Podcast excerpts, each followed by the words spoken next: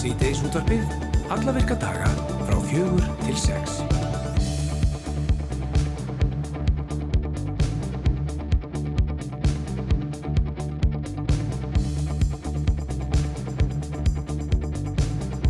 Já, þá heilsum við í Sýteis útvarpinu Ragnhildur Ragnhildur Haldarsdóttir og Rúnar Róbertsson og uh, Það þarf að vera með ykkur tökkan sex í dag. Ég svolítið sitt hérna að vera svona vesennst í að ringja á eitthvað svona vesen og, og branninn á tíma, þannig að beða afsökunum þessari, þessu uppæði. Já, en mikið er rætt um orkuskipti þessi missurinn endar stórmál og það þarf að vanda vel til verka svo að vel takist til. Já. Einn ángja þessu eru orkuskipti í þungaflutningum um landið og nú er það mest eh, díselsbúandi vörubílar trukkar eða trukkar sem keirum landið og dreifa vörum. Það er komið að tímamótum þarna, það má segja í Íslandsögunu því á götuna eru koma vörubílar, engungu knúnir, knúnir af ramagni. Veldir Volvo atvinnutækja svið Brimborgar verða með síningu á bílum frá Volvo á lögadaginn og Eil Jóhansson, hann er fórstjóri Brimborgar og hann er vel inn í málónu þarna þegar kemur að þessari lið orkurskiptana og hann ætlar að vera hjá okkur hér strax eftir klukkan 5. Já, Hanna Katrín Fredriksson, þingmaður viðristna, skrefaði grein í morgublöða mánudaginn sem ber heitið Nú er nóg komið. Og greinin fjallar um tollflokkun á jörtapítsuosti er sangt greinin í snýst þetta um tollaflokkun jörtapítsuost sem var breytt þar sem mjölkursamsalan var óhrest með að sitt ekki einað markaði fyrir rifinost og pítsar og veitingastum og í matanarframleyslu segir hún í greininni. Og hún kemur til okkar á ettir og ætlar að fara yfir þetta Já, á sunnudagin verður barnvæni markaðurinn haldinn í skrúfunni á Eirabakka og á markaðunum fá börn tækifæri til að selja handverk, listaverk og gamla dóti sem þau eru hægt að leika sér með. Þessi dagur er tilengaði börnunum og eru börnin sjálf sem standa fyrir því að selja og eiga heiðurinn að þessum frábæra markaði. Berglind Björgunsdóttir hjá skrúfunni, hún áttur að koma til okkar í lokþáttar. Já, í dag hefst tónlistrátin Hljómei sem hann haldir inn í Vestmanægjum háti fyrir fram á 11 heimilum vísförum miðbæ Vestmanægja og 15 aðri koma fram, dagskráin er glæsileg og við ætlum að heyra í frangvöldastjóra hátíðanar Guðmyndi Jóhanni Arnarsinni hér rétt og eftir en hátíðin verður einmitt sett klukkan 5. Og svo er það með með vikunar á sínum stað Alli Fannar Bjarkarsson, hann ætlar að koma til okkar segja okkur frá því allra heitasta á internetinu þessa dagana. Já, Guðmyndi Félix Gretarsson greindi frá því fyrir dag að bakslagsi komið í bata sinni eftir handa ágræslina fyrir rúmum tveimur árum líka með sér byrjar að hafna handleikjónum og möguleg gera og hann missi þá. Félix hafði samband við læknateimi sitt sem bóða hann á sjúkurási skoðun eftir hann var ákveð að auka livja sköndununa á ónami spælandi livjum sem hann er á. Hann er allavega ykkur svona því ferli núna og Felix er á línunni okkur, sæl og blessaður. Erur í okkur? Nei, hann verðist bara að vera horfin af línunni. Já, já, það er spurningum að spella bara á einu læg meðan við ringjum aftur eða hvað viltu gera? Jú, jú, ég gera það bara. Spellum á einu lægi sem er ágætt í tilipni dagsins. Verður að segjast alveg eins og er. Þetta lag hér á velvið í dag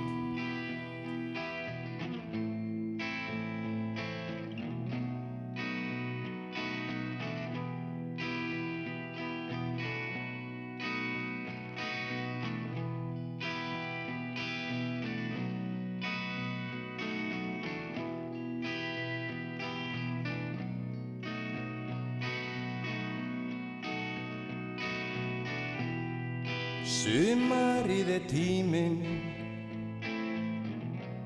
Þegar hjartað verður grænt Og augu þín verða Híminn blá Ójá Sumarið er tíminn Þegar þjóvar fara á stjá og að stela hjörtum.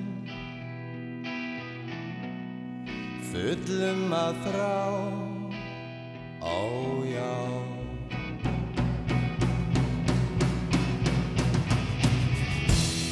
Þér finnst það í góðu lægi Þér finnst það í góðu lægi Þér finnst það í góðu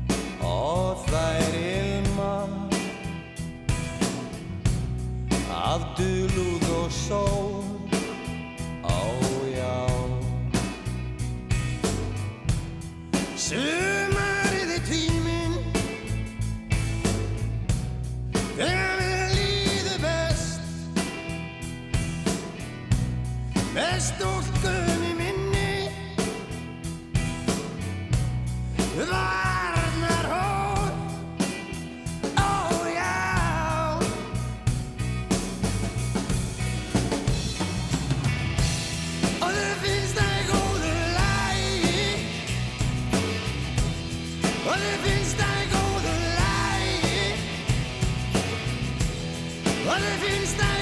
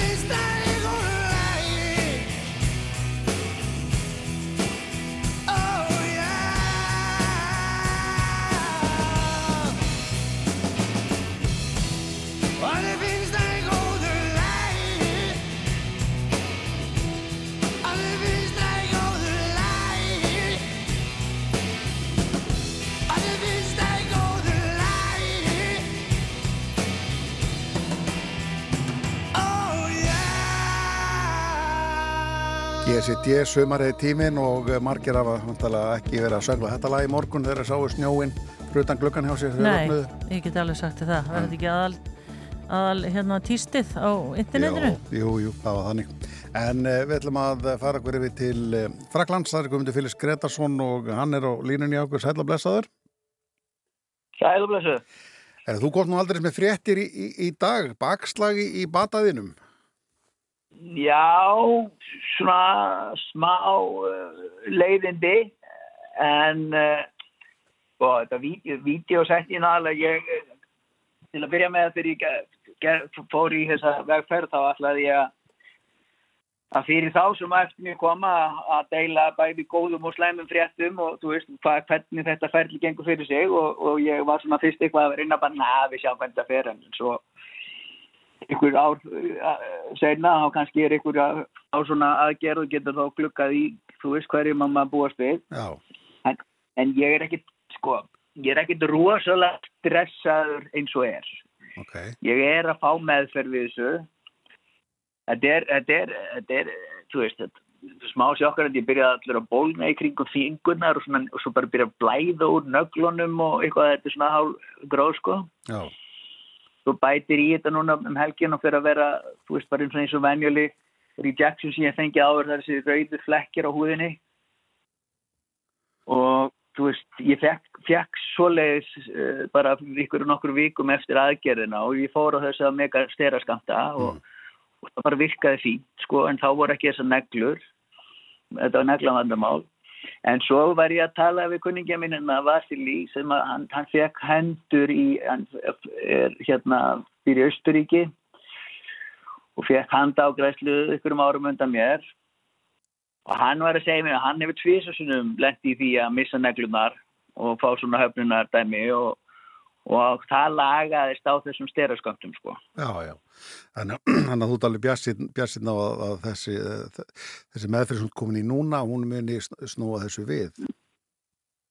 Já, já, það, hún, hún ætti að gera það, þú veist, eins og við segjum, það er ekkert ísla klikki sko. Nei, en þú, En, ha, en, en þetta er alltaf leiðilegt, það er búið að ganga rosa vel og við erum búin að vera að fá hérna, þú veist, uh, bara núna í fyrir nokkurum vikum þá vorum við að finna taugar inn, sko það eru vöðvar inn í höndunum sem eru intrinsic vöðvar sem eru svona hérst alveg inn í lónum og meðal annars þeir sem að þú nota til að glenna fingurna sundur og saman og, og geta, og, og geta sagt, fyrsti liður á fingrum til þess að beigja og svo er vöðvi sem að er neðst á þumlinu sem að kallast Opsur og hann er svo sem að getur fært þumalinn svona í gagstæða, þú veist, þannig við höfum grip, svona munin á okkur og öpunum Já, og það, það, þú veist, við vorum hægt að fá algjör viðbröð, þeir eru orðinir rosalega rýrir og voru svona að fara svolítið útlýtt fyrir það að, að ég væri bara hreinlega búin að missa þessa vöðva, þú veist, myndi aldrei fá þetta.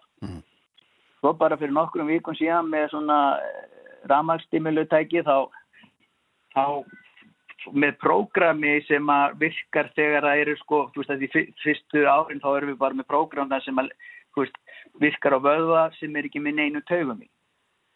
Svo finnum við þessa vöðva núna og, og, og það eru taugar í Eiríkallin er bara sá að ég er ekki með tengingu við á ennþá í hausnum á mér. Þarf, það þarf alltaf að búa til það sem hann búið nýtt líka. já, já, já. En þetta er rosalega góða frétti vegna þess að við fyrir að, að stimuleita þessa vöðva þá finn ég það og þá fattar heinin líka heyrðu, það er eitthvað sem við þurfum að fara að vinni og, og þetta er búið að vera svolítið svona skemmtilegu tímin og undanfanna vikur þannig að þetta var svona kannski aðeins blöytuska, þú veist, þegar maður er búin að vera hátt uppi og, og, og glaður og allt er að gerast, allt í hennu bara eru bara handleikinnir allir á nýri í rauðum flekkjum og, Já. og blæðandi neglur og eitthvað svona, svona. Já, en, en Guðmundur, þegar þú segir sko, þú, þú talar hérna við mann, vindin sem er frá Austuríki og uh, hann eh, sem sagt segir þess, þér þessa sögu, það er ekkit margir sem að auðvitað hafa farið í gegnum þetta þannig að það er ekkit eftir að byggja á neinum reynslu sem þannig séð. Nei, það, er sko, það er búið, þú veist, hendur, þau byrjuðu, það er alveg sko 25 ár síðan að fyrstu hendurnar, veist, bara frá, uh, sérst, uh, voru gerðar og með þess að fyrsta aðgenn hér í, í Líón 1998. Það, veist, er, það, það er ekki mikið reynslu að fara svona hátt upp, þá er í, í hvað þetta varðar alveg sambærilegar, uh, sko, alveg sambærilegar aðgerðir hafa verið gerða við í heiminum með, með hendur svona frá miðjum upphandlegg og, og svo eru nokkrar aðgerir sem hefur verið gerða fyrir ofan olbúa svo, þú veist, það, það, það, það hafði ekki farið með heila handleggja áður en, en, en í svona prinsipatriðum hvað var þar þetta, ónæmisbælinguna og, og, og, og það allt saman þá er náttúrulega alveg til smá reynsla sko. Já, einmitt. Svo voru fréttir að þeir góða líka, þú varst nýbyrjar að hjóla, og, uh, það var í fyrsta sinn, er það ekki? Jú, jú, það er mér það sem ég var það var skýta að missa handleggina en ég búin að kaupa mig hjól Já, einmitt. Það má ekki gerast. Þannig að þú ert bara svona nokkuð bjartur yfir þessu, eða hvað? Já, já, þá, ég meina það er til annað kemur í ljós. Ég, sko veist, ég er byrjaði gæra þessum stóru, stóru styraskamtum og, og ég er alveg út og tjúnaður, get ekki sofið og bara hérna svakalega kikka af þessu, þessu dóti og, og svo er ég, þetta er þrý dagar sem ég fer inn á spítalan og fæ þetta í æð og svo verð ég næsta mánuðin á svona stórum skömmtum en ekki, þú veist, ég er, ég er að taka sko, daglega viðhalsmeðferðin mín er 5 milligram af þessu lifi á dag, ég er að taka 500 núna þrjá dagir röð. Ó, og svo fer ég þú veist, í 60 og er þannig í 10 dagar svo fer ég nýri í 55 og svona. Þannig að næsti mánuðurinn eru svona hái skamtar af þessu. Og þá ætti, þú veist, samkand öllum fræðunum þá það bara slöknar á ónumiskerfinu já, og ég það er að leiðandi, ég settur að fullta öðrum livjum til þess að eh, virka á móti þú veist eins og það er svona síkingarhættur sem koma þegar ónæmiskerfið er algjörlega tekið út sko. Já, já. þannig að ég er að taka það. En, en, en þú veist þannig að þetta er svona smá uh, tough period framundan en, en ég er alveg vongoður að, að þetta verði þú veist, þetta verði fínt sko. Já, en þú vantilega verið undirbúin undir þetta þegar þú fórst að staði í meðferð að þetta geti komið upp en hversu lengi hérna uh, er sko líka mann getur hafnað þessu hvenær sem er því að það er komin tvö ár síðan núna er þetta bara, þú verður að vera ónæmisbælandi lifjum bara sem eftir þess að, þess að líka mann fær ekki bara í að hafna handlíkjana já, já, það er. og það, það er bara alveg svo með með lifraskipti sem ég fór í og þú veist, ég var á þessum livjum og ég hefði verið á þessum livjum for the rest of my life hvort við sko. Mhm. Þannig að, þú veist, og þau eru, ég menna, það eru leiðinda aukaverkanir af þessum livjum og, og, og þú veist, þetta er, þetta er ekkit gott fyrir mann nema engungu vegna þess að maður er reyna að halda í, í líkanspartu eða lífæri. Mhm. þú veist, þetta er, þetta er svona treyt sem að maður gerir og ég er alltaf, ég er alltaf í þessu, þetta hefur áhrif að, þú veist, þetta er svona, þú veist, ég mikið stundar mikið íþróttir og annað og, og þú veist, og það er til, eh, you know, enhancing drugs sem fólk tekur til þess að bæta árangun, þessi er akkurat öfugt, þau er svona dehancing drugs, þannig maður er stanslust að fara upp brekku því þau draga, þau hafa áhrif og hafa bara rosalega neikvæð áhrif á margt í líkastarsiminni, sko. Já, Það er bara hlu- hlutur, þú veist, og en ef ég er virkur og er að reyfa mig mikið og gera eitthvað, þú veist, þá er ég, þú veist, þá er mér, allavega ekki að fara aftur, sko. Ég, ég er ekki að, ég er ekki að fara rosa hratt fram eins og, og ég hugsa sko fólk sem að nennir ekki að fara í rektun og halda sér í formi. Jesus Christ, það er ekkert mál að halda sér í formi eða maður er heilbröður. nei, einmitt. Það eru skilabóðin þín. Já, Já, ég skil bara ekki hvernig fólk getur bara leitt fyrir að, að gera það ekki, sko, því að, þú veist, maður, já, já, já. Störmál. En allan að við sendum þið bara það kveðu Guðmundur Félix Gretarsson til Líón og bara eh, vonum að þetta sé bara verkefni sem að verður leist og voru farin að hjóla aftur bara Já. innan skams. Já, já, já, já. Það er komið og ég, sko, ég get ná stært ykkur það, þú veist, það er ekki allslæmt. Það, ég fór, það var ekki snjóað ekki hér í morgun, ég fór í styrpugn. Já, mitt. Þannig að, Já, já. Hmm. þannig að þetta er, þetta er, það er margt, margt jákvæmt en þá. Já. Bara bestu kveðu til þín til Fraklands, Guðmundur Felix og bara gangi þér sem allra best. Ok, Takk Gera fyrir. það. Já, bless. Rástfö. Fyrst og fremst Við erum Rástfö.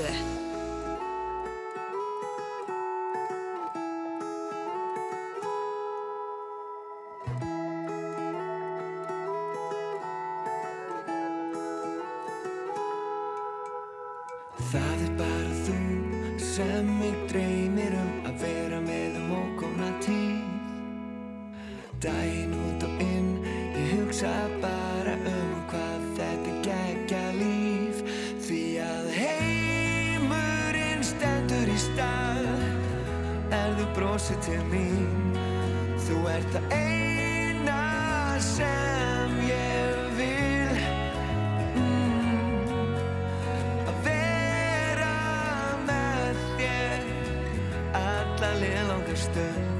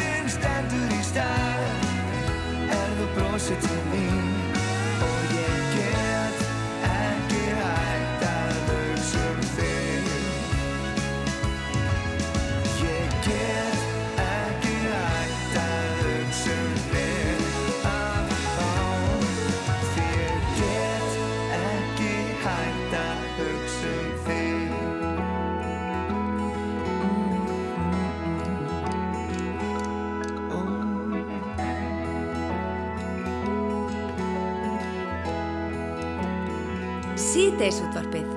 Hæfileg blanda. Frá fjögur til sex á Rástvö. Nefnir það, Hanna Katrín Friðursson, þingmaður við, viðrestnar, skrifaði grein í morgunblæði núna á mándaginn sem ber yfirheitið nú er nóg komið. Og þessi grein fjallar um tollflokkun á jurtapitsu osti. En samkvæmt þessar grein þá snýst þetta um að tollflokkun á jurtapitsu osti henni var breytt þar sem mjölkursamsala var óhreis með að setja ekki eina markaði fyrir rifinost og pitsur á veitikastöðum og í matvæla framleyslu og þetta er eiginlega bara með ólíkjendum þetta mál, Hanna Katrín er komin til okkar, velkomin. Takk fyrir. Bara fyrir þá sem að lása ekki greinina og vita ekkit um hvað máli snýst, getur aðeins farið yfir þetta með okkur? Já, ég get gert það. Þetta, þetta lítur sem sagt að því að uh, það er til svo kallar pitsuostur sem er blandar með jurta ólíu og slagur er snýst um það á þá ekki bara tollan sem slíkan, þar að segja, jurta blandaðan ost eða á að tolla þetta sem mjölkur ost og þetta skiptir máli vegna þess að í tollaflokkun alþjóða tollasambatsi sem við erum aðila að á svona 300 löndum held ég þá, þá er mismöndi tollur um, eftir því hvaða flokkunanúmer er valið. Og, og bara svo því sem ég haldi til haga þó að Íslands stjórnvöld ráðu þetta eh, tollun á vöru innan þeirra frívæslunum samlinga sem við gerum, þá ráðum við ekki þessum tollasamningum, við verðum auðvitað að fara ef við erum aðeins þessu alþjóða tollasambandi þá verðum við að fara eftir flokkuninni annars rugglar það bara öll mulliríkja viðskipti. Það, það er bara ekki hægt sko, annarkvæmst erum við þarna við verum ekki þarna, þannig að það er kannski fyrsti punkturinn. Og eh, það sem gerist bara núna fyrir einhver, bara er, hefur verið að gerast undarfarið síðustu ár sko að, að það hefur uh, mjölkur samsalan kvartaði uh, til skattsins og fjármálaráðunetisins undan því að þarna væri verið að totla þennan jörtaost í jörtaost að tollflokk sem ekki ber totla vildi láta færa það í annan flokk sem að, sem að ber mjög há að totla, einhvern 30% verðtotl og svo 836 krónur á kílóði sko sem er svona magtollur og þetta varðar auðvitað gríðarlega mikla hagsmunni og, og, og, og það er búið að vera að rekja þetta mál fyrir domstólum. Fyrirtækið sem umræðir, sem að er að, flytja hennan inn, Danól, tapaði málinu bæði hér aði og fyrir landserti og í þokka bótsins að fyrir utan það að vera þingað eða skikka til þess að fara yfir í þennan hærri tollflokk um, þurfti að fekk bakreikning sko upp á einhverja vel ríflega 200 miljónir króna eins og það verið þeirra sög að hafa tolla þetta vittlust og allt hafi náttúrulega alltaf verið gert uh -huh. eftir, eftir, eftir hérna, bókinni og, og ráðleikingu uh, skattsins. En stendin hýfurinn í kunin þá það að þetta sé mjölkuróstur með bara blandaður með jört og olju eða er þetta bara algjörlega jörta eða þetta vegan? Er, þetta er slíkur róstur, blandaður með jört og olju Já. en það breyti því ekki að Európsambandið og alþjóða tollamálastofnunum hafa sett þetta í annan flokk en, en mjölkuróst. Já, já. Um, en það sem gerist þegar mjölk og samsalan og ég þekki þetta bánlega, ég hef fylst með baráttu fyrirtækisins, ég hef fylst með baráttu félags aðtunurreikata fyrir hönd fyrirtækisins sem er innan þeirra raða og síðan kemur málið loksins sent um síðir til kasta stjórnskipunum og eftirlitsnemdar alþingis í síðustu viku þar sem að máls aðelar koma og röktu þetta mál. Um, þá gerist það sem sagt að, að eftir að það er leitað MS og, og mjölkursamsalan og, og bændasamtöki leita ásjónar eh, skattaívalda eh, fjármálaráðundisins um, til að fá þessu breytt. Þá er farið út í einhver samskipti við, við hérna, Evrópusambandið, einhverja skatta og totla deilt þar e, og það kemur einhver tölvupostur frá einum starfsmann sem segir án ábyrðar, þetta er ekki formulega afstæð, þá tel ég að þetta eigi að fara í háatollflokkin, eigi að skipta hans og, og byggt á þessum tölvposti þá er tollaflokkuninni breytt hér á landi. Tóldugun setna kemur þess að tölvpostur frá þessum sama starfsmann sem segir ég er búin að skoða þetta betur, uh, ég var með rángar upplýsingar, nei þetta á að vera það sem þetta hefur alltaf verið. Þessi postur skilaði sér aldrei þegar fóra, uh, Danúl fóra að hérna, höfða mál. Þannig að þetta varði aldrei hluti af málskögnum domstóla. Hvað kallast það skila sér aldrei? Það þýðir að þessu var haldi leindu af einni eða annari ástæðu. Ég veit ekki meira um það. Og dómurinn hann hviðin upp með rangar fórsöndur. Þegar þú ert hluta að mála rekstri þá náttúrulega ber þér að leggja fram gögn, sko, þegar þú hefur. Já, og svo fellur dómurinn.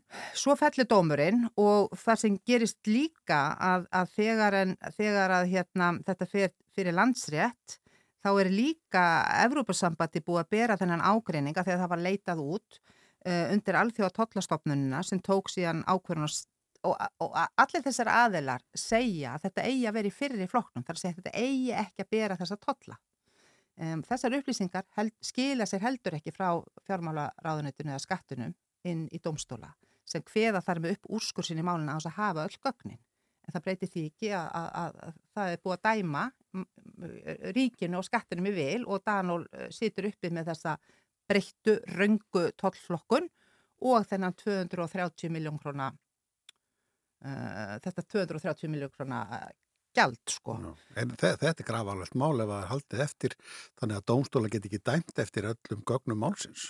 Þetta er auðvitað mjög alvarlegt mál og nú er stendur bara málið þannig að stjórnskipan eftirlisnend aldingis er að skoða þetta og um ég, ég er eiginlega svo standandi bit á því að því að Sigmar Guðmusson, þingmaður okkar, hann, hann tók málu upp í óundubúinu fyrirspunna tíma við fjármálaráður í síðustu viku sem svona eiginlega um, þvældi málinu sko, þú veist, ég veit ekki hvort það var bara því að þetta ekki nægilega vel eða hvað það var en, en það komi engin beinsvör og þau beinsvör sem komi voru byggða á röngufórsetum um, og það veldur mér bara svo mikil fyrðu að máli skul ekki hafa sprungið. Já, eiginlega... og það segir manni bara ákveðna sögu í hvaða sko bóndabeyju við erum með þessi mál sem varðar eh, vendatottlana eh, styrk sérhagsmuna sem að sérhagsmuna aflana og, og hvað neytendavendin er veik hér á Íslandi af því að þegar uppestaðið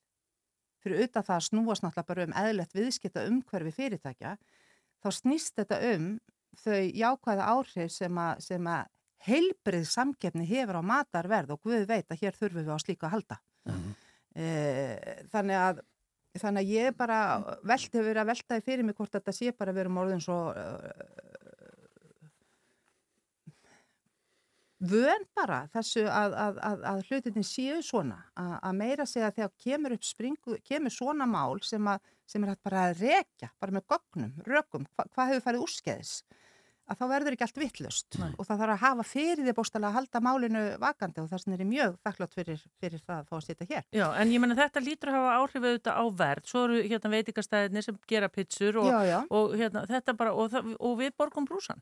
Já, já, við gerum það og maður áttur sig á því og, og þannig er mjölkursamsalun að veira sig við þessari samkeppni og ég gerir mér enga, veit ekkit hvað fjárhæðir liggja baki þar, hvað það skiptir máli en, en starrendin eru þetta svo að það er akkurat þær vörur sem Jólku Samsalan hefur eh, einokun á sem að hafa hækka mest í verði hér á landi, ég menna grænmetið sem er nú líka og ekki hefur mann kannski séð fyrir sér að grænmetirætt á Íslanda ætti svona fullu tríu við, við innlenda framlöslu þegar, þegar tollum slefti eh, en þau gera það, þau pluma sig eh, heldur betur.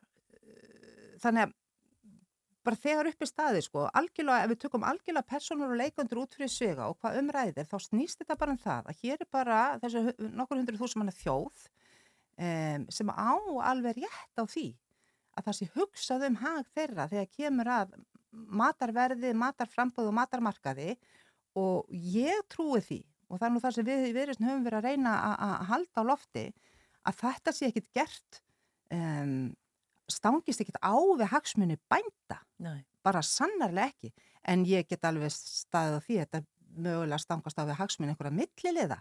Það er bara ekki sá þjóðfélagshópu sem ég hef sérstaklega áhyggjur af nýja hérna, til mig vera að vinna fyrir. Mm. Uh, en hvert er svona þínum mati, Hanna Katrín, svona bara næsta skref í þessu? Ég menna, þið býðir bara eftir að að fjármálur á þeirra svari eða hvað? Já sko, hann svaraði þessari óundubúnu fyrirspöld sem er bara svona samtali inn í þingi og ég ímynda mér nú að fyrirtæki sem umræðir og, og, og hérna allir sér að ganga lengra því þau eru komið með ennfrekari upplýsingar aðutan frá alþjóða totlamálastofnuninni held ég að stofnunin heiti en það sem ég gerði í dag er að ég lagði fram fyrirspöld til uh, Bjarnar Berendinssona, fjármálur á þeirra þar sem ég spyr hann hvernig hann ætlar að bregðast við þessu mati stofnunarinnar um, um, um alla þessa atbyrðarás uh, og hver afstæða hans er til þessa ósamræmis og hvernig þetta samræmist markmiðum uh, vöruflokkunarkerfisin sem við erum hluta af og síðan hver er afstæða hans til þessa ráðunettið hafi korki upplýst dómara nýja aðila í málunum uh, um tilvist þessara brefa sem ég nefndi sem hefðu þetta rent frekari stóðum undir málflutning gagnaðila ríkisins, þar er Danól einmitt. Að þetta voru náttúrulega málaferðli ríkisins þannig að ríki er þarna, fer þarna fullum þunga og, og, og, og á mjög sérstakann mjög sérstakann hátt uh, þannig að þetta er svona það sem er í hendi Já, og svo sjáum við til og, og vonandi aftur, mér finnst hérna stóra myndin vera mikilvægir heldur en akkurat þetta tiltekna mála því við bara verðum að fara einhvern veginn að ná tökum á því hverjir er hennu raunverulega hagsmunir undir í málinu. Hanna Katrín Fridriksson, takk kærlega fyrir komuna í síðdeis útvarpi. Við fylgjumst nánar með þessu máli. Takk fyrir mig. Fyrst og fremst með þér. Við erum Rástfö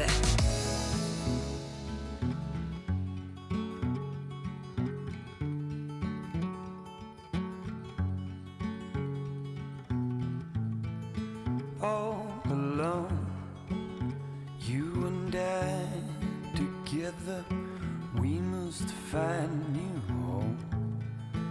Crazy dreams follow through whenever we strive against the streams. Bring out the gold laces.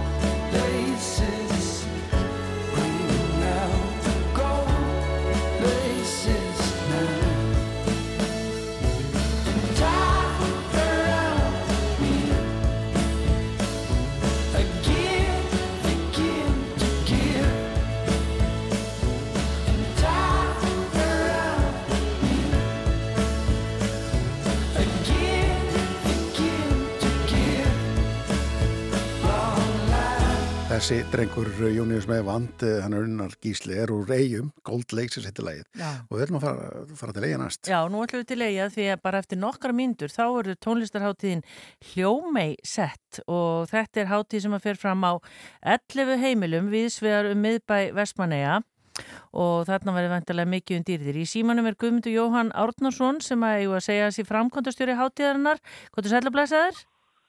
Já, góðan daginn, komið sæl að blessa. Er allt klárt? Eh, ekki alveg, en það verður þá á morgun. Á morgun? það eru margir, margir nútar sem þarf að nýta. Já, sko setningin er núna klukkan 5, Já. svo er, svo er pubquiz eh, í kvöld, svona tónlistar pubquiz og svo hefst svona eh, tónleika hátíðin sjálf klukkan 8 annar kvöld. Já, sko vestmannegar Guðmundur, þetta er náttúrulega ekkert mál fyrir þá að opna stofuna og hleypin fólki því að þeir eru alltaf að syngja þetta ekki allt árið. Jú. Ha? Jú, jú, það voru allir sem tóku vel á mót okkur þegar við spurðum sko.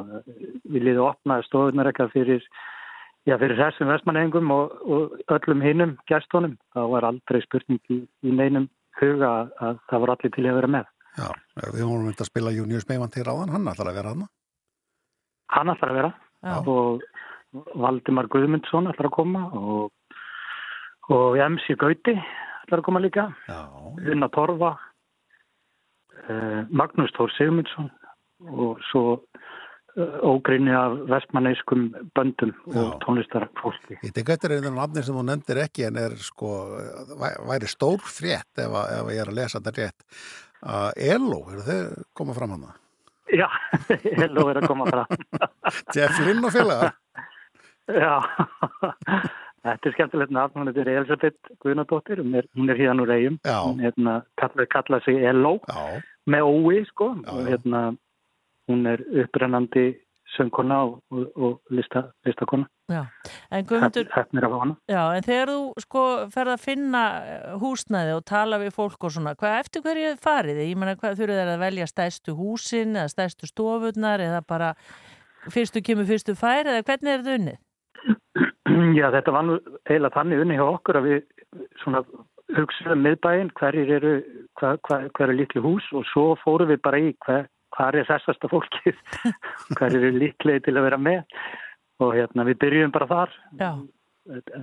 Það er, það er gestristn í Vestmanægum, hún er ótrúleg. Er, þetta er hvergi annar staðar eins og er hér þó ég sé ekki alveg hlutlu sko en það hérna, við völdum bara hressast fólkið já, og byrjuðum þar og, og hérna svo voru bara allir með.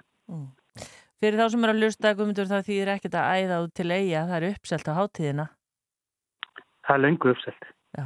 Það var seldist upp á 12 dögum, við byrjuðum með þessu í februar og, og hérna það verður bara fólk verður að vera á tannum þegar við hefjum með þessu nýjan leik fyrir næstu hátíð. Já, þetta er orðið hérna eh, tölum við góð dreifing hjá okkur á, á svona hátíðum. Í eigum með góðslöka hátíð, það er þjóðhátíð og svo er komin þessi og það er svona að dreifa matarhátíð matarhátíð og, já, dreifa sig yfir árið, það er skemmtilegt. já, já, já, þetta er hérna, það er aldrei loggmólla í eigin. Þetta hefst, uh, síðustu helgi var mei, hvenna uh, rástefna sem er nýtt líka og svo er við, svo er næst pafferan og svo hefjast fótboltamótin og góðslokkin, þannig að einmitt. nú er bara stuðið hafið í vestmannum, sko. já, Svo þjóðtíð og matei og allt þetta. já. Þú hefur tólmíndur til að slípa ræðuna, ertu með ræðu og eftir? Nei, ég er ekki með. Hva, hvernig ætlar að setja fyrir. hátíðina? Eh, Sko, Íris bæjarstjóri ætlar að koma og setja hátíðina formulega. Já, Við ætlum bara að segja söguna hvernig þetta var til og, og þetta er fyrst og fremst samfélagsverkefni hjá okkur. Við, þetta er óhagnaðadrifið og við vildum bara gera eitthvað skemmtilegt já, og hérna það er hugsunin. Eh, Við viljum bara vera casual og, og, og hafa gaman. Þannig að þetta verður engin formulegheit. Það verður bóð upp á kók og appisín og, og hraunbytta og, og hérna uh, lúðrasveit skóla, tónlistaskóla spila nokkur lög og svo bara halda allir út í út í kvöldi glað, með vör. já. Þá segjum við bara góða skemmtun Guðmundur Jóhann Árnason og á hérna tónlistarháttíðinni Hljómei sem að verður sett eins og þú sagðir bara eftir nokkra mínútur, bara góða skemmtun og, og gangi ykkur vel. Takk fyrir, gaman að heyra ykkur. Bye. bless. Fyrst og fremst Með þér á Rástfö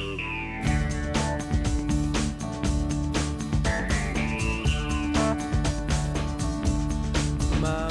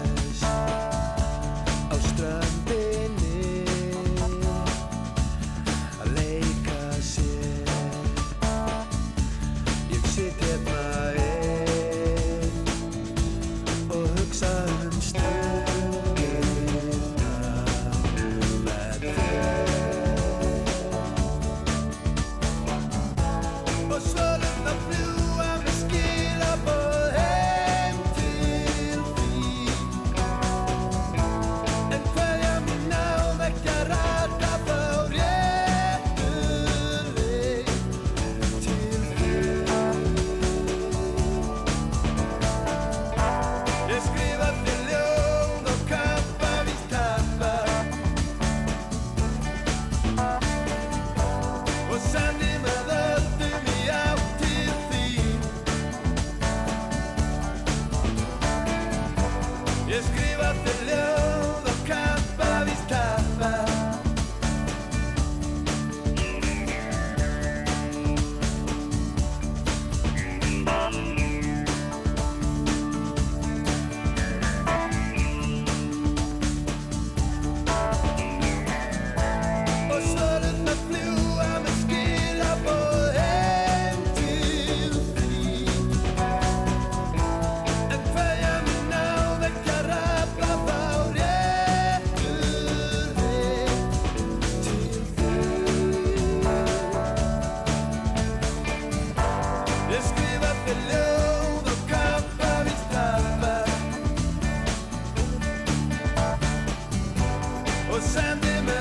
Björns og hann skrifar ljóð á Kampæs Tappa, það líður að eh, fréttum klukkan 5 en Hafi, varstu, hérna, hvernig finnst þið bjúur?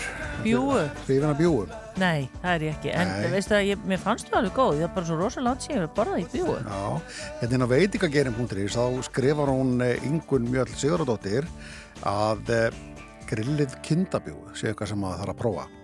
Mm. Grilluð? Já, grilluð kindabjúu. Já, já. Já, þetta áttu náttúrulega ekki að rúkast að hérna en það er svona eins og það er. En Já. ég menna, sko, það, mér finnst bjúu þau verða, það eru fordómar, kakvart bjúu. Það. er, já, það er bara einhvern veginn, eh, fyrir einhvern rustflokk Já, og ég sem að margir eru mjög ósáttu við þetta, bjúu er ekkit verið heldur en hvað annað. nei. Þannig að grilluð bjúu. Já, hérna, hérna segir hún, hérna inn á veitingagerin að hérna, eh, hún fór og vafði djálpapír, grillaði í opnunum og eh, salt og pipar og miklu betri heldur en sjóðin, segir hún og eh, svo bara annarkvæmt að setja inn í opnið erfrægir og setja til dæmis eh, kartiflimús undir og svo kannski kar karrísósu og ná eitthvað svona. Býtu, en vafðið inn í álpapír Já. og hettið þannig á grilli? Eða hvað? Já, eða setja grill í opninum, sko, byrja, Já, byrja já, að því, já, þetta já. þykar að sjá frá þannig sér, sko, en mér finnst þetta Það sem að áhugavert. þetta um helgina. Eða ekki? Jú. Já, Já, já. Heyrðu, látum bílana koma okkur að eh, fréttum fréttir á slæginu klukkan 5. Og svo er það Ramax vörubílar. Ó já, One day you'll look to see I've gone, for tomorrow may rain, so I'll follow the sun. Someday you'll know I was the one, but tomorrow may rain, so I'll follow the sun. And now the time has come, and so my love I must go.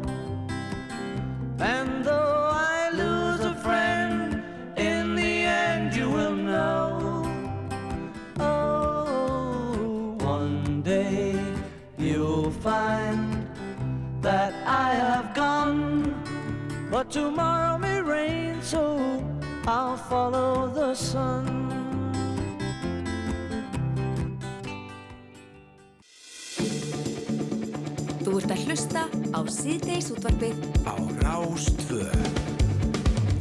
þá höldum við áfram hér í síti í súttarpinu Rafnendur Haldarsdóttir og Rúnar Róbinson til klukkan 6 og uh, hér á ettir ætlum við að fræðast um uh, já, til dæmis eh, barna, barna já, markaður sem barnavenn, barnavenni markaðan heitir það. Já, á Eirabakka.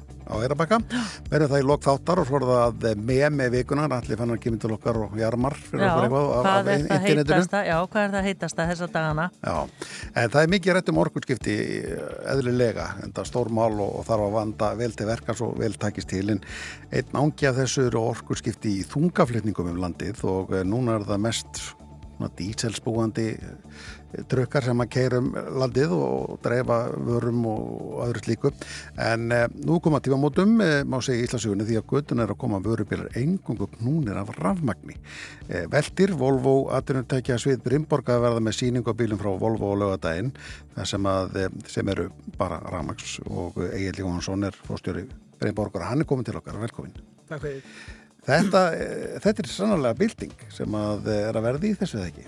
Já, ég myndi segja það. Ég er bara fyrir nokkru mánuðu síðan, Já. höfðu ekki margi trúa og það væri hægt að hérna, koma þungabílunum yfir á ramag. Nei. En nú er það að gerast og bara í alvöru þegar maður fá 14 fyrstu ramagsvörubíluna til Íslands.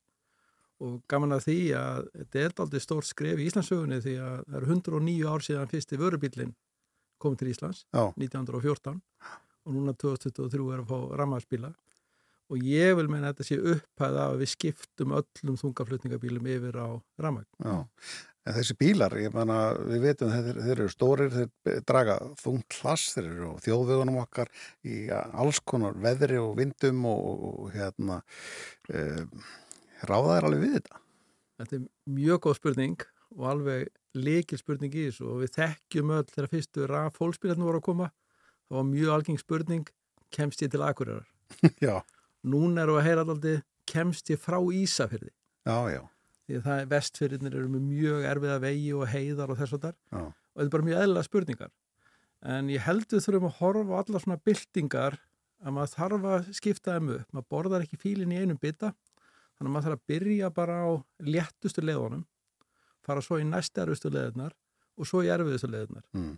Maður sér þetta fyrir sig sem einhvers konar svona tíu ára verkefni en jákvæða fréttunar er að þessir bílar, þeir eru gefnir fyrir dragni 200 km ákveðna típur, 300 km og ef þú nýtir þig kvildatíma bílstjóra sem er alla jafna 45 mindur, þá er þetta bæta við svona 100-120 km þannig að dagleg dragni getur verið svona í kringu 400 km Já. og ef þú horfir á algengar axtusleiði með þungavöru í Európa-samvættinu þá er 45% af öllum þungaflutningum á leiðum sem eru 300 km eða stittri.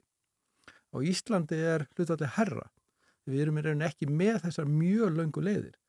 Þannig í raun væri tæknilega hægt að skipta út 50%, cirka helming, jafnvel rúmlega, af öllum þungaflutningum yfir á ramak strax í dag. Já, en að þú sagðir áðan sko fyrir nokkru mánuðum hefði enginn trúaði að þetta væri bara komið á þennan stað. Er þetta einmitt bara þannig að það er allt að gerast bara núna? Já, það er aldrei með svona byltingar, það er einhvern veginn svona undirliggjandi bakvið tjöldin erum en að vinna í fullta hlutum og við sáum þetta í fólkspílunum menn byrjuði að tala um ramarsfólkbíða fyrir alveg áratugum síðan. Svo við munið kannski það að koma ívilnanir á fólkspíla hérna 2011-12 en gerðist ekkit fyrstu árin. Nei. þetta var svona eins og lína sem skreið bara og ég hef sett upp línuritt. Það gerðist ekkit, svo 2019 fór hún að liftast, 2020 enn hraðar og svo 21 og 2 við erum að sjá sama í sendibílu núna byrja setna en algjörlega er byrjað að liftast og er að verða lóður eftir við loftið. Og ég held að vörubílunir verði, verði að sama.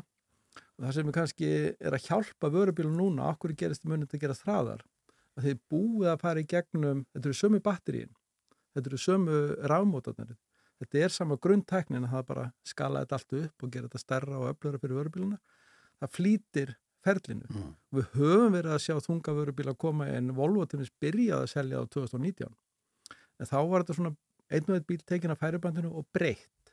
Já. en byltingin það sem verður núna þegar þeir tilkynna að þeir ætla að fara fjöldaframlega og þeir fjöldaframlega á sama færibandu og dísibíluna og þá færðu þau aukin gæði og þú fær framislukostnaðin niður.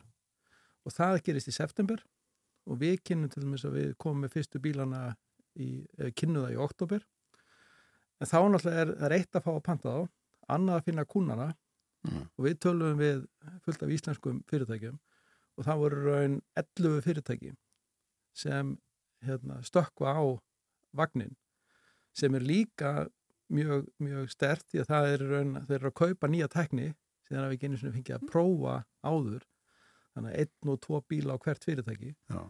Og, og síðan þurfum við náttúrulega að leysa líka síðan hlæðslumálin Já, ég menna hvert fyrirtæki sem að kaupir svona bíla, það þarf að, að því þetta er svo stóri bíla, þetta er ekki bara vennilega innstunga, nákvæmlega það er mikil, mikil framkvæmt. Já, og ég, við höfum skipt upp svona innviðanum í þrennt. Það er annars vegar svona, þið þekkju öll þessar asjastöðvar bara sem er settar upp heima í raun og það góða við vörubíluna þetta er sama, sömu staðlar. Það er sami asjastöðl, það er svona venjulega hlæðslan og hraðalhæslan sama. En það er bara búið þetta allt upp. Þannig að það er einn möguleik er að setja svona asjastöðvar á starfstöð fyrirtækisins.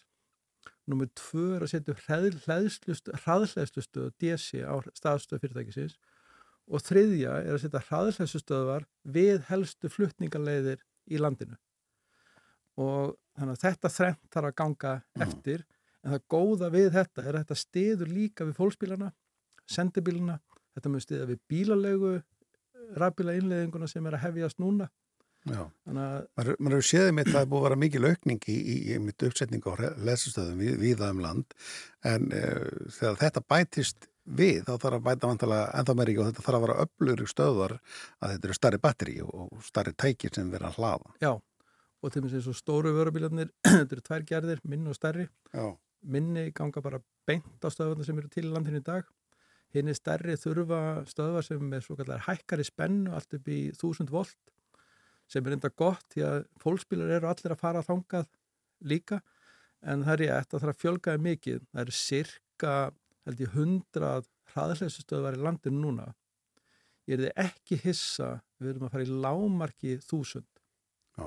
jafnvel 1500-2000 Á hvað mörgum árum? sko, svona ég myndi segja sko fram árið 2030 á svona sjö árum að fara í þetta magna af hræðustöðurum Tíföldin. að lámarki Já. en samt þurfum við að bæta verulega í næstu svona 12 til 18 mánuði sérstaklega bílöfbílana þá þurfum við að fyrir næsta sömar að vera að koma með þéttara net Já. og eins og bílöfkunni sem kemur til landsins kannski fjóraðaga ferð, sjötaga ferð hann vill ekkert riska því að vera með að taka það áhættu að ferðin sér ónýtt hann vil komast á rauðasand eða út í jæðrana hann vil helst komast tilbaka á hótelið til þess að gista Já. við nóttina Já, já.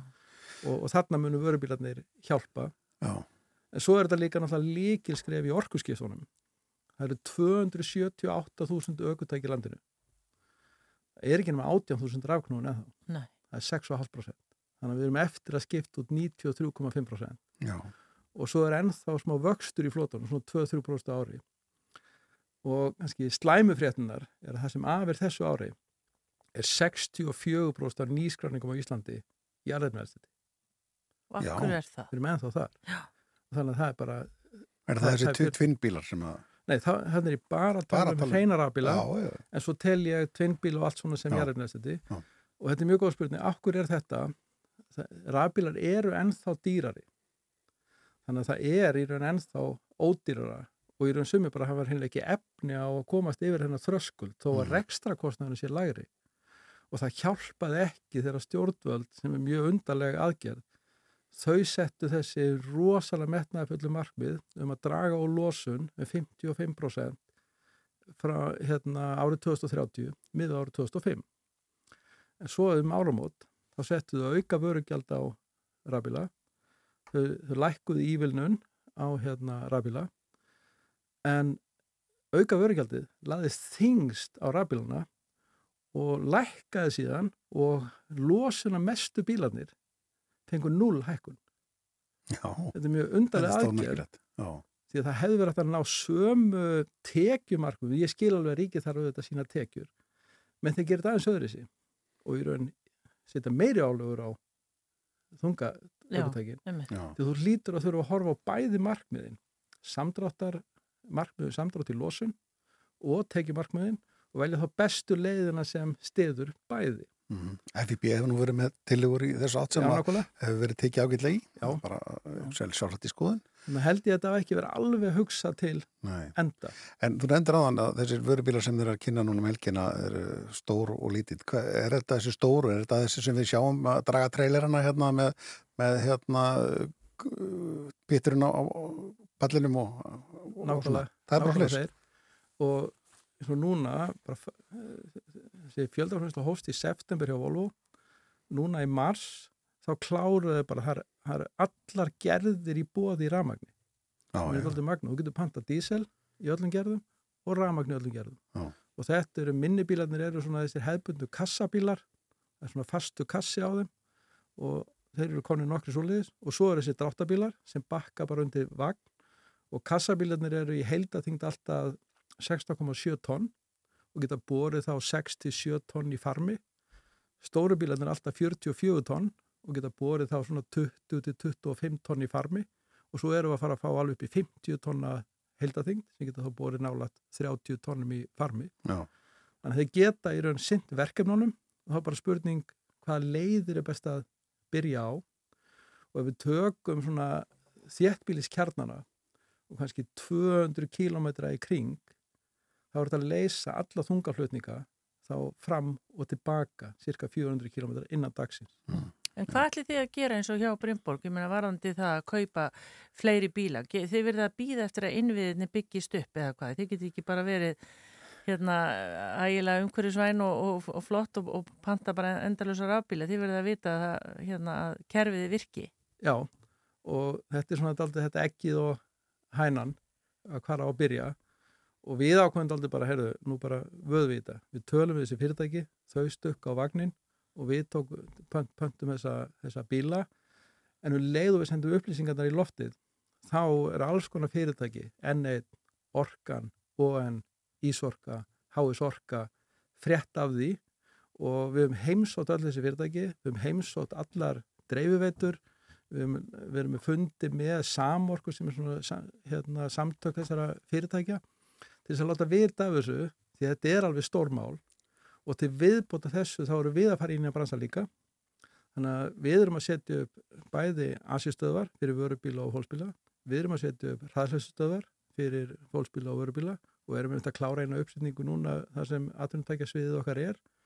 Og svo ætlum við líka að opna almenningsstöðvar og við erum búin að fá samþitt núna í Reykjanesbæ sem stöð þá getið sent vöruflutningum í á Suðunisum og bílubílum á Suðunisum og síðan bara öllum sem erður stærsta hraðsleystöð á landinu. Hva- Þetta eru hvar verður 600 kW stöð með, og getur hlaðið átta bíla í einu. Hvort sem eru vörubílar eða, eða fólksbílar og verður sérstaklega góðu aðgengi þegar við ætlum að vera með hana svona drive-thru Er hún við flugstöðin eitthvað starf? og verður hérna, veit ég hvað, hvað slökkustöðin nýja er á Já. Reykjanesbá flugvöllum, verður þar þannig Já, svona já. 5-6 minnir frá flugvöllinu og með þessu erum við þá líka ít á aðra bara auka samkeppnina í þessum bransa, Já. því að þetta er alveg líkilegt þannig að svara við spurningunni það eru fullt af aðlum farinir á stað og við erum að fara á stað líka því að þetta þarf að vinnast samhliða Já. en við fórum eina pröfuferð núna norður á Akureyri Já. á einu bíl, ekki með farm bara til þess að prófa hlæðstöðun á leiðinni þannig að við kerðum Reykjavík, Borgarnes stoppuðum þar og hlóðum í Borgarnesi á teimustöðum fórum í Baulu, hlóð, hlóðum þar fórum í Staðaskála Varmalíð, Víðigerði fórum ekki á Blönd og það er svo lítið stöðin að það hefði ekkert skipt máli og svo Akureyri og svo fóru okkar menn hérna í mat og svo kerðum til bæ, bæin aftur og heilt yfir gekk ferði mjög vel. Flesta stöðuna virkuðu virkilega vel. Bílinn tók max hlæðslu til sín og þær gáfu max hlæðslu frá sér. Ekki allar en, en flestar. Og vorum aðeins líka að prófa aðgengið. Suma vorum frábært aðgengi, suma síðri. Því það skiptir máli líka. Og bæði þá aðgengi fyrir bíla líka eins og fyrir reyfahamlaða við erum til með sérstaklega hann og okkar stöð fyrir reyfahamlaða og við fengið ráðgjöf frá fólki í þeim aðstæðum sem þekkja til þannig að þetta er alveg margslungið og svo þarf að fá orkuna og hún er ekkit alltaf í bóði í nægu magni á öllum stöðum. Nei, akkurat sko. Við fengum orku í, í Reykjanesbæ sem var gott og við erum að opna samskonarstöð á bílsöða og við erum búin að fá orkuna þar. Já, já. En við tegumist pöntuðum þessu orku hausti 21. Mm -hmm. Það byggtíminn er orðið svo langur. Já. Ég heyri það bara á öllu að það er ekki verið að vaða í einhverja vittlis. Hér er, hér er hlutinni skoðar alveg í kjölinn hjá ykkur. Já, við höfum aldrei lagt áherslu á það. Maður er bara eiginlega búin að vera að kafa í þessu í svona átjá mánuði, Já, læra allt um rafmagn, læra allt um rafmagnsbíla, um hleðslur. Þannig að þetta búið að vera virkilega skemmtilegt. Já, Já. Egil, fyrir þá sem eru áhuga samir um þetta á lögadaginn, hvað er þetta? Er þetta hjá ykkur? Já, þetta er hérna upp á hátegismóum átta, þar sem veltir atvinnutækjasviðið er og það er frá tíu til fjögur og það er opið öllum og fjölskyldi getur komið með krakkana, bara þá í fyllt með fullóðum, þetta eru stórir bílar og við verðum með pröfuvægstu fyrir þá sem eru með hérna, aukuréttindi fyrir það, en við keirum líka fólk sem er ekki með aukuréttindi. Var þetta þess að leifa þeim að prófa? já, Já, þetta er alveg svakalega merkileg upplifun að vera Já. alveg hljóðlösan Já. bíl, engin titringur, það er alveg magnað að sitja í þér. Já, þetta er, þetta er magnað Egil Jónsson, fórstjóri Brínborga takk fyrir að koma til okkur og segja okkur að þessu og eh, ég segi bara góða skemmtina á lögatan og gangi ykkur vel með þetta Takk hérlega.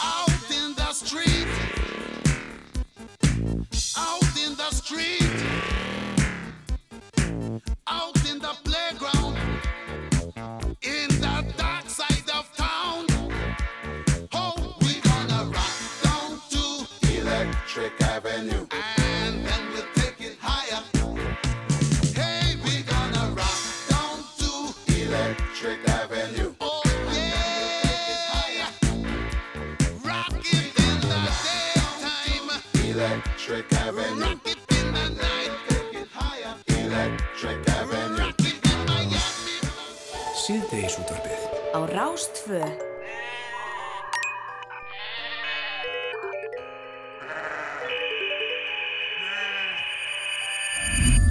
Fymtudagur í dag og við erum auðvitað með okkar mann á fymtudagum, Alli Fannar Bjarkarsson, hann er komin hingað með, með, með vikunar. Já, það er einhvern veginn svona stundum einhvern veginn er svo augljóst hvað maður á að tala um í þessum lið og maður er bara með, það er eitthvað allt að gerast þessum daginn var Twitter allt of flegi ferði að það er einhver mynd sem allir sjá. En það var veginn ekkert alveg þannig núna. Þannig ég svona fór í bankan Já. og mér finnst svolítið gaman að tala um svona þessi svona stóru frægu memir sem að eru bara búin að lifa með okkur mjög lengi. Og eitt af því er sérst mynd af Michael Jordan.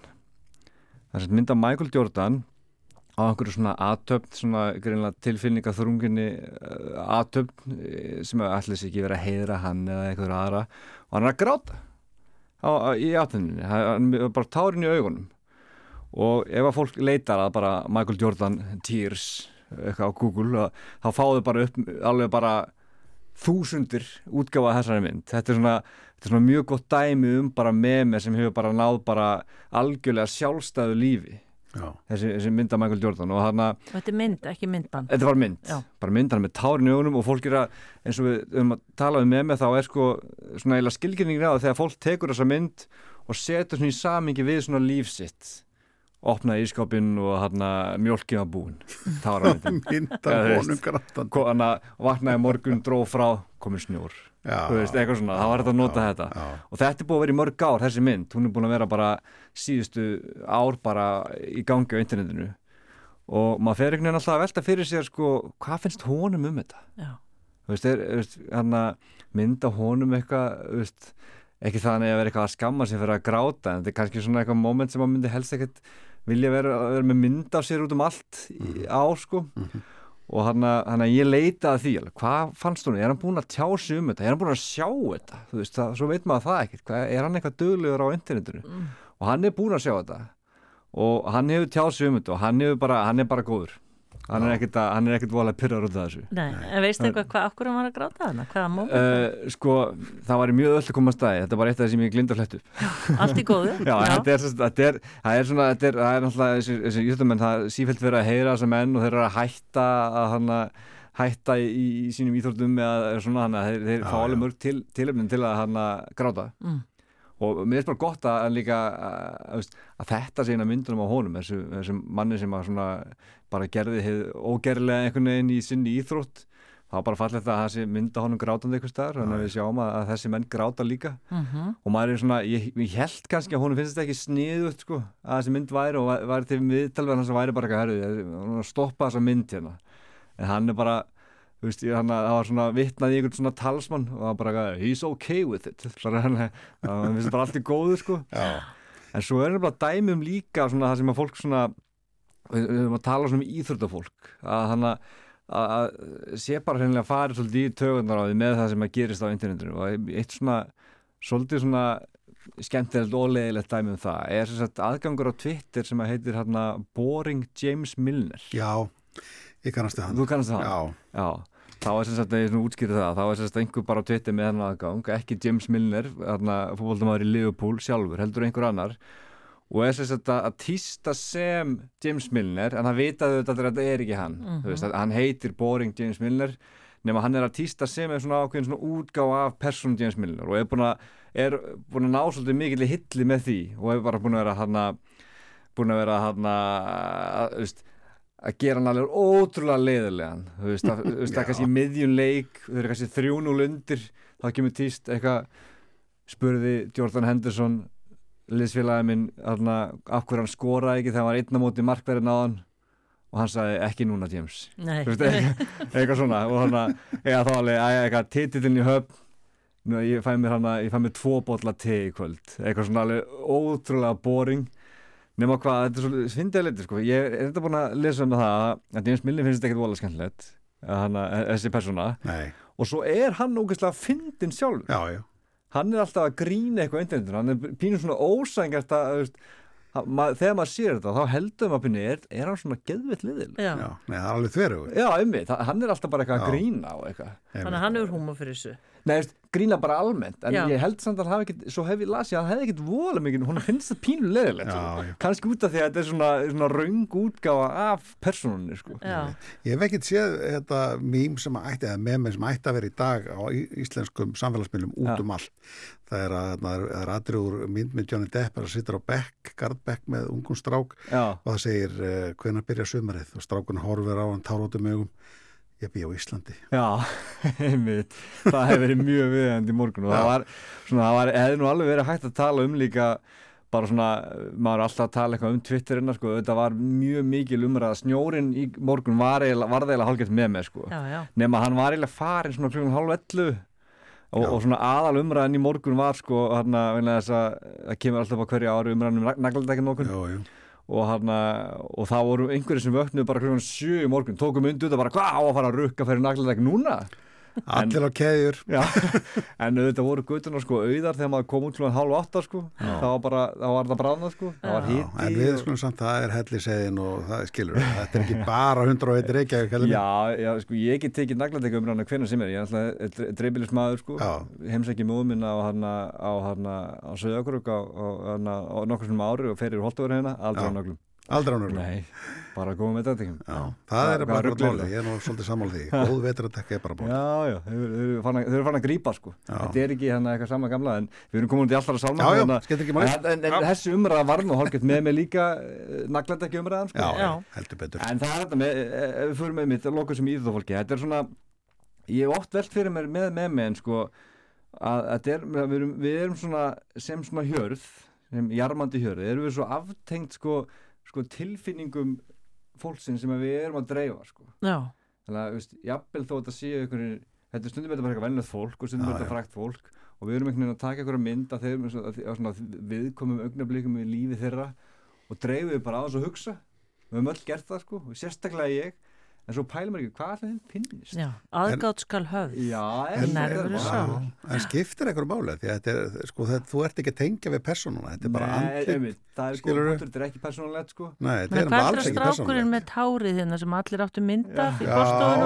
Hvernig honum Já, finnist? er þetta nýja útgöð á því? Er það fyrsta memið drengurinn með tárið? Já, Hvað ekki svonu Mónulísu. Nei, Ég ég sé man svona. það ekki. mynda hann sem viðkomast augnabliki og henni dreift allir eiga þessa mynd einhver staðar eða hann Já. Já. þetta er svona, en, hana, en ég hef samt oft pælt í þessu, sérstaklega með fólk sem er ekki frægt Já, að þegar það fer svona á fluginternetinu kæra sig kannski ekki um það sko orðið allt í unum frægt fyrir eitthvað sem að vildi ekkit endilega vera frægt fyrir vildi kannski vera frægt fyrir eitthvað sem er gott í eða eitthvað Já. kannski dett á rassin einhver staðar og, og miljón mann sjá það veist, það er svona, þetta er svona þetta er eitthvað svona, við, við pælum ekki mikið í þessu en ég held að sé svona eitthvað sem verður svona rannsónarefni framtíðarinnar Já. og veist, þá, þá verður komin eitthvað niðurstu hvernig þetta fer raunverulega með fólk já. Og ég ætla, með næstir ég sé eitthvað svona þá horfum maður öðruvísi augum á þetta. Já, svona byrja að hugsa, nema Rúna hann tekur ekki persónulega? Að happy, Nei, ég gerði það ekki, en kannski ef að ég var með mig, Já, svo veit maður. Ég veit það Já, ekki, ég er bara, í veist, að því ég hef ekki litið á þetta sem eitthvað persónulega, gagvart persónunni á myndinni, meira bara svona svipriði og þetta að ná okkur um, ég er er ekkert mjög duglur að deila svo umberlega, ég spamma vini mína með Ég þessu. reyna líka svona að dreifa svona, og reyna að koma að höggja fólk. Já, Þú veist, nei, til það er ljótt. Er takk fyrir þetta í dag. Takk. Mjög hérna, áhugavert. Takk fyrir komuna. takk Þetta er Rástvö Fyrst og fremst með þér. Hvar upp í himinin finnið að leka yfir þig Í hverju skrefi er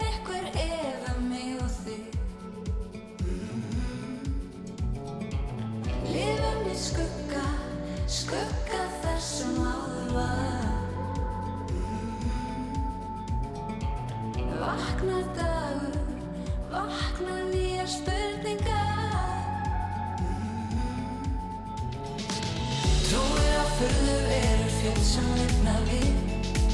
Fljúandi furðu hlut og guð. Ástinnar okkur ról og dans í tónsljósi Star upp í stjörnu himini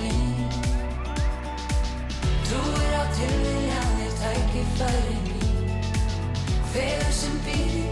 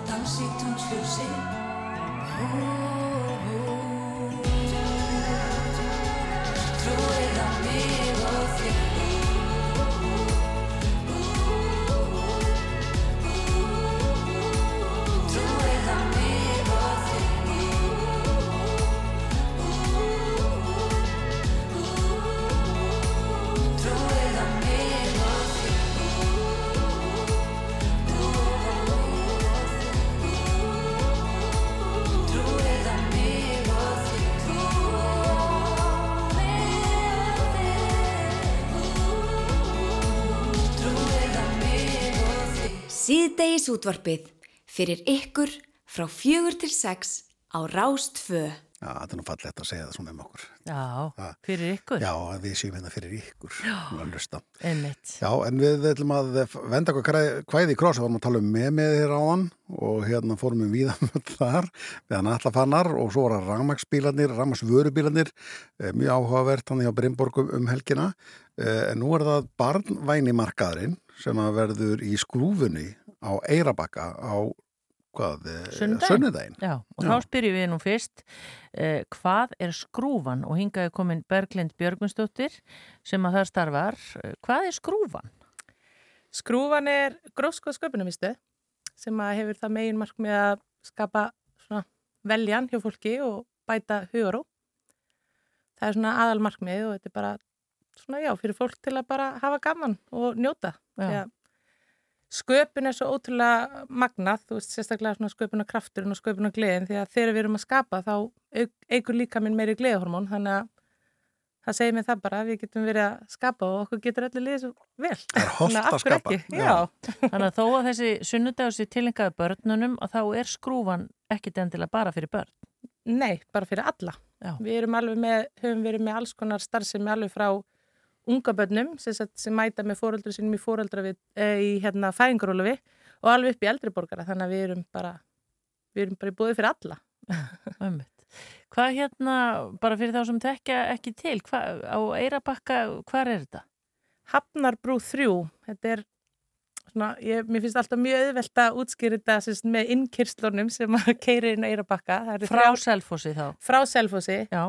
Það er auðvelt líka að segja þetta frá Þorlásöfn að þá er það bara fyrsta beðan inn til hægri en frá Selfossi það eru þrjár innkyrslur inn á Eirabakka og fyrsta er hjá Littlarhraunni næsta beigja er hjá íbúinu með þú veist inn í bara þorpið og svo þriðja er beigjan inn til á skrúfuna, á skrúfuna. Já. Skrúfuna, já. og þá er þetta bara fyrsta beigjan svo til hægri eftir að maður beigir þar inn Já, en, en barnvæni markaðurinn, hvað þýðir þetta? Hvað er verið að fara að gera hann? Selja börn? Nei. Nei, sko, já, það uh, Mér datt fyrst í huga ég mitt að láta þetta heita barnamarkaðurinn en þá ég mitt fekk ég þess að hugsa bara hvað fólk heldur að sé að selja börn þannig að, næ, það gengur ekki.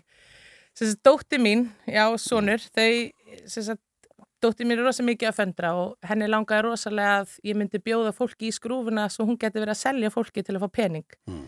því að í skrúfuna er ég að selja ís frá skúp og ég var að útskýra fyrir henni og hún geti ekki alltaf bara fengi ís, hún þyrfti að þú veist, Þannig að þetta var svona hennar hugmynd að fá að selja sagt, sín, sín handverk og listaverk til þess að fá pening og, og þá nefndi hún líka svo með að selja gömlu leikfengi sín. Og ég bara, já, það, það er kannski alveg hægt einhvern veginn og þú, það er kannski ekki hægt að vera ein og þú hva, hvað getum við gert? Og þá vildum bjóða vinkonum og mér fannst það bara svo geggja þannig að ég bara, herðu, við bara gerum eitthvað úr þessu.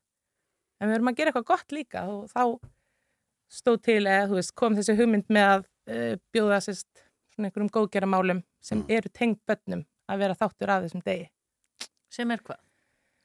Uh, við sagt settum öll góðgeramál sem eru tengt börnum í skál, ég og börnum mín tvö og svo leiði ég þeim að draga miða og úr því komu dróðu við fjögur góðgeramál Já. uh, sem að verður í bóði á markaðunum að styrkja og það var nákvæmt geta börnin sem eru að selja uh, leikfungi sín eða handverk látið gróðan fara í góðgeramálin eða bara gestirnir á markaðunum geta styrt þessi góðgeramál. Já, og hvaða góðgeramál er það sem kom upp úr, Úr upp skálinni? Úr skálinni. Það var uh, umhyggja sem er félag langveikra barna Mm. og skemmtilegt að segja frá því að víst að það var dreigið þá vissi ég að Forsett Íslands er verndari þess þannig að hann fekk bóð á markaðin og svo er það uh, ljónsjarta sem er fyrir börn sem hafa mist fóreldri og barnaheill og barnaspítalinn. Það voru þessi fjögur. Já. Svo bara verður þetta árlegt þannig að það vonandi verður eitthvað nýja og nýja alltaf á hverju ári. Já, þetta er sem sagt á Eirabakka en auðvitað hugsa fyrir alla sem að eiga heimangengt og geta komið en hva, hvað á fólk að gera? Nú eru kannski einhver börn sem eru til dæmis bara með fullt húsið eða fullt herbyggið af leikfungum sem að þau eru vaksin upp úr. Hva, á maður að skrási eða hvernig virkar þetta? Já, það er þetta að senda post á skrúvanatskrúvan.is eða senda okkur bara skilabóð Facebook og óska eftir söluplási. Við ætlum að setja stórt svona veislutjald fyrir utan skrúfuna til að stækka og þar, veist, það verður nóg pláss fyrir alla. Það eru, já, held ég 30 börn komin sem ætla að vera að selja, þannig að það er alveg komin slatti og ég, veist, ég hvet alla til að mæta þó þið búið í bænum eða hvar sem er, bara að taka rúmt. Þetta er ekki langt að fara á bænum? Nei, nei, nei. nei. Alls ekki. Já. Fara úr hérna amstri stórborgarinnar og fara Já. henni í kyrðina. Ég veit að svo er þetta náttúrulega alveg snildar dæmi um að hérna til að taka til geimslum og svona slíkt að hérna krakkandi sér vilju til að selja sko leikfengi sín gömlu Já, og það var þeirra ákverðin að sé, þau sé að fara af heimilinu. Akkurat. Já. Og skemmtilegt fyrir þau líka að fá að, þú veist, þetta er svona eins og tombóla. Hver mann ekki eftir tombólunni? En þetta er svona stór tombóla nema þar fá þau að sérst, vera að selja dóti og fá rukka, eh, ákveða verð og sjá um þetta sjálf sem er svolítið skemmtilegt. Já, frábært, uh, Berglind, en þú ert búin að, ég meina, hvað er, hvað er þetta gamalt fyrirbæri, skrúan? Þetta uh, var stopnað 2020 og opnaði á Eirabakka í fyrra, sérst, þannig að þetta er búið í ár starfseminn. og er bara, eins og nefndir hann, þeir eru meira þess að eitt af því sem þeir eru að bjóða upp á eru flettu námskeið fyrir feður. Já, það er núna dagskraf fléttu svona uh, og kertagerðanámskeið og sápugerð, bara við erum Prjóna, alls konar. Prjónanámskeið, já, það er að, að fara að koma. Við erum með bara hvað sem okkur detti til hugar, sko. Og það er bara svo gaman að vera að skapa og gera eitthvað skemmtilegt. Já, ummitt. Bendum fólki þetta, það er skrúanatskrúan.is eða skrúan á Facebook og þar getur fólk skráð sig Já. og hérna um að gera, taka þátt í þessu og svo er þetta plokkdagurinn, maður getur nota tækifærið og, og plokkað í leiðinni, hvert svo sem maður Já, ha? einmitt. og Það er þetta fram- flokka fyrir utan hjá okkur. Já. Stór svæði. Algjörlega, alveg frábært. Eh, Berglind Björgursdóttir hjá skrúfunni, takk fyrir að koma til okkar og segja okkur að þessu ég sé bara góða skemmtina á sunnudaginn. Takk fyrir. Ég hveti allir til að koma.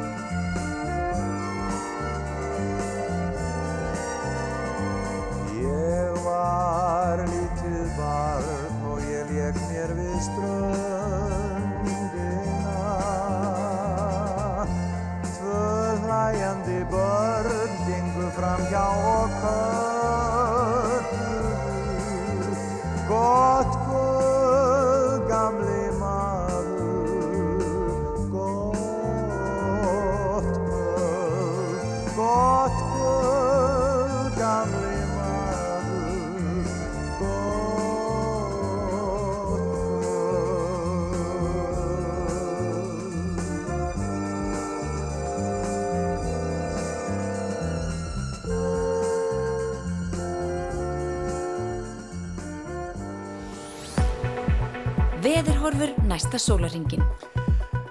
Norðlag eða austlag átt víða á bylunu 5 til 10 metrar á sekundu, snjókoma eða slita með köplum sunnalands en dregur úr úrkomu þar í nótt og léttir til á morgun.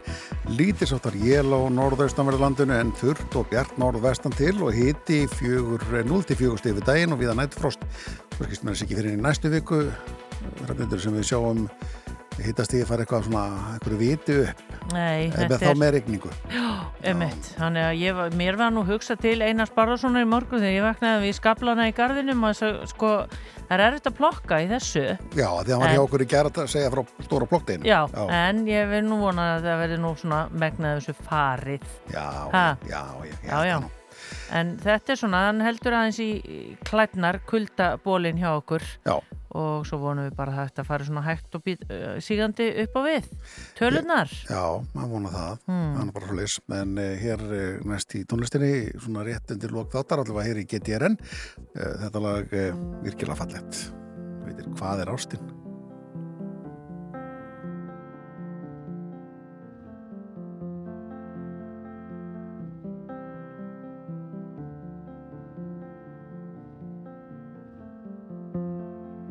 Brotlend voru orðin mín.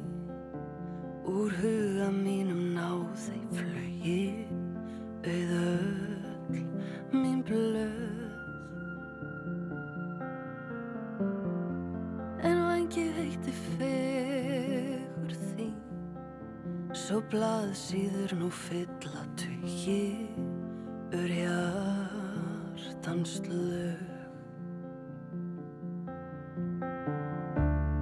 flauta spíða orð í röð Hvað er ástin ört? Hún breytist Ekki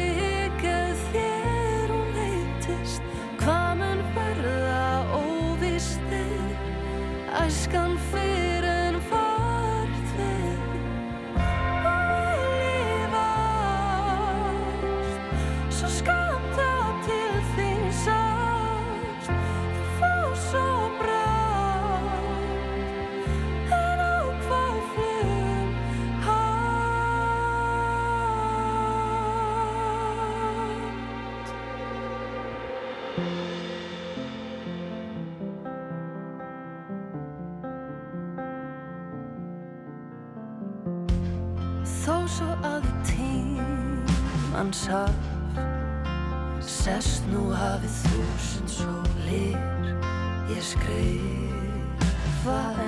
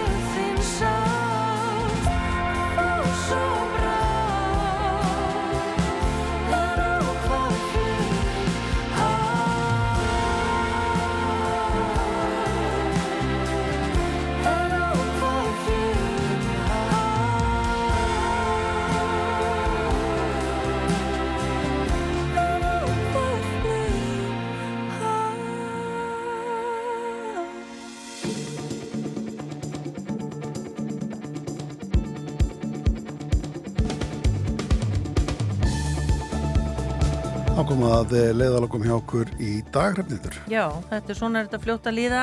50 dagur í dag, það er margir hérna eh, sem að einhvern veginn fannst vera förstu dagur í allan dag. Það, það er þessi frídagar, þeir eru aðeins að, eh, ekki það hafi verið í þessari viku, en þeir eru aðeins að ruggla fólk í rýminu Já, Hmm. einmitt. Er þið Ísland var 11 markar sigur á Ísrael, svona meðan við vorum í loftinu? Já, þetta var mikilvæguleikur, eða ekki? Uh, jú, það hefur verið með eftirsætti reyðilsins og Ísrael í þína eðsta. En jú, jú, þetta, þetta eru leiki sem þarf að vinna. Já, einmitt áfram Ísland. En við erum búin að koma við við tölum um vörubíla og, og tolla á uh, jurta, pitsu, osti og við tölum við Guðmund Felix í Fraklandi. Já.